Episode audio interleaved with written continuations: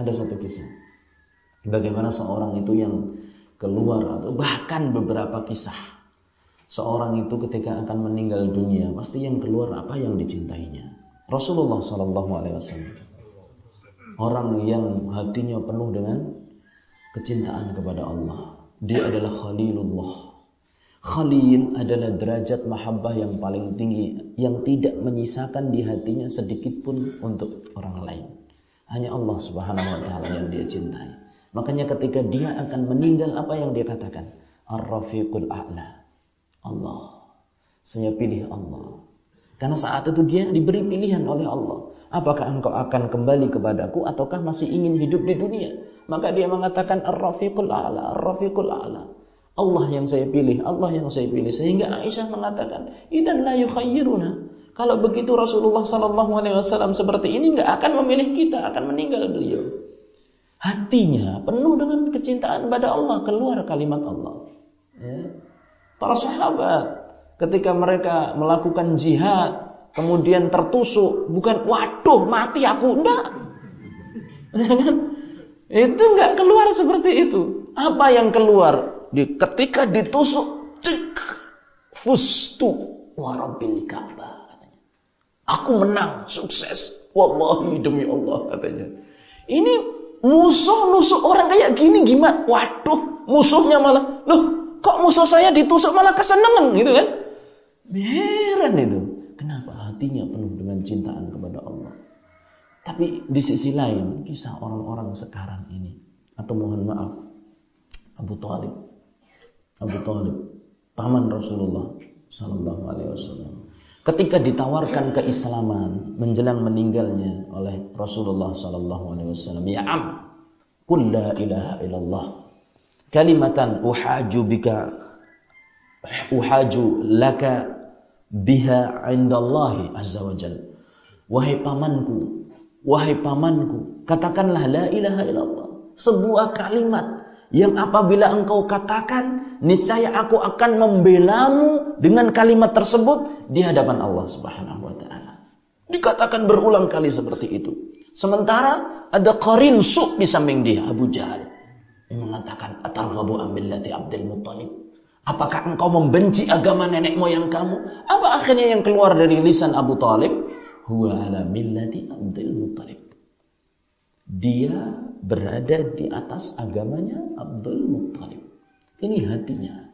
Meskipun dia cinta pada Rasulullah Sallallahu Alaihi Wasallam, mengakui kenabian. Dia mengakui kenabian, yukir dia, yukir. Dia mengakui. Ya. Akan tapi namanya Islam tidak hanya sekedar apa? Mengakui. Tapi harus ada i'tiqad wal qaul wal amal. Itu Islam. Tidak cukup hanya sekedar ya Islam itu baik. Itu kan pengakuan. Ya dia itu memang nabi. Itu kan pengakuan. Tapi nggak cukup kecuali kalau dia aman bihi. Saya beriman kepada Nabi Sallallahu Alaihi Wasallam dan menjalankan segala macam apa ajaran-ajaran Rasulullah Sallallahu Alaihi Wasallam. Lihat yang keluar sesuatu yang ada di dalam hatinya. Kisah yang ada di zaman sekarang banyak Subhanallah ya. Saya jadi teringat mungkin sebagian kita masih suka nonton bola. Kadang kita khawatir sebagian kita nggak tahu kalau di sini mudah-mudahan enggak ya. Sebagian teman-teman itu sampai statusnya status bola. Status di FB-nya itu status bola. La ilaha illallah. Ya. Saya khawatir ya Kecintaan kita kepada bola itu melebihi cinta kita pada Allah dan Rasulnya. Sehingga yang muncul ketika akhir hayat adalah bola. Dikisahkan ada seorang, kisah nyata, seorang yang kesukaannya itu main game. Main game. Ya, udah dewasa main game, ya udah besar main game. Kemudian suatu saat dia kecelakaan berboncengan dengan dua orang. Kemudian dia kecelakaan. Yang temannya itu langsung sadar dan melihat temannya itu terkapar si main game itu, pemain game itu. Terkapar kemudian ditalkin. Ayo katakan la ilaha illallah. Tidak bisa. Ayo la ilaha illallah. La ilaha illallah. Tidak bisa katanya. Terakhir diucapkan la ilaha illallah. Diucapkan kata-kata apa? Win. Win. Win. Mati. Apa win-win ini? Menang. Kalau game selesai itu keluar apa? Win, win. Innalillah. Jangan sampai naudzubillah min dzalik kita ditalakin la ilaha illallah. Cool. Gimana nasib kita ini? Hah? Ditalakin cool. La ilaha illallah. Satu kisah yang sangat menyedihkan. Ada seorang pemuda tinggal di negara barat. Di sebuah negara kafir. Sana ada sebuah rumah sakit yang besar dan ada seorang dokter muslim kerja di dalamnya. Dokter ini seperti biasanya eh, tugas dia adalah kontrol pasiennya. Dia kontrol nama-nama pasien, didapatkan namanya Muhammad. Ada seorang pasien namanya apa? Muhammad. Berarti muslim kan? Nah, ini muslim. Karena dia muslim, dia ingin cek ini pasien ini. Sekian deret pasien kafir. Maka dia datangi kamar dia. Ternyata didapatkan seorang pemuda sedang terbaring dalam kondisi yang sangat kritis. Ya. Kemudian melihat kondisi seperti itu, maka sang dokter mengatakan kepada perawat, telepon keluarganya. Ini kelihatannya sudah tidak lama lagi katanya.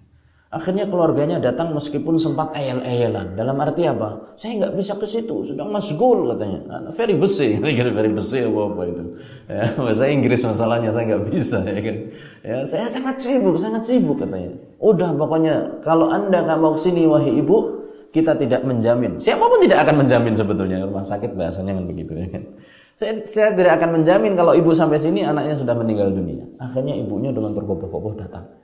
Ya.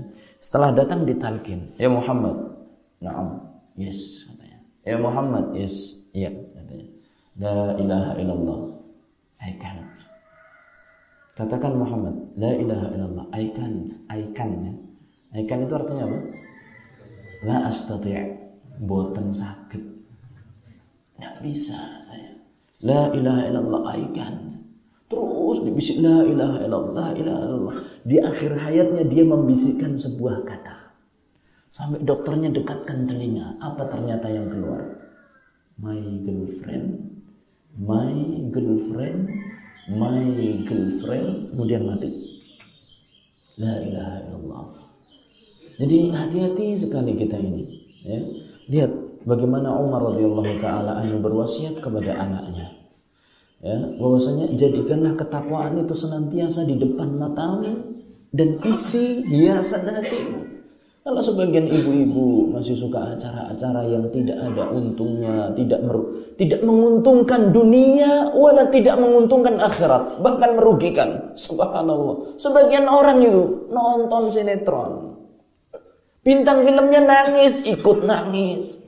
Bintang filmnya ketawa, ikut ketawa. Bintang filmnya marah-marah, marah-marah juga sama suaminya. La ilaha illallah. Padahal itu nangis dibayar, kita nangis malah bayar. Dia ketawa dibayar, kita ketawa bayar juga.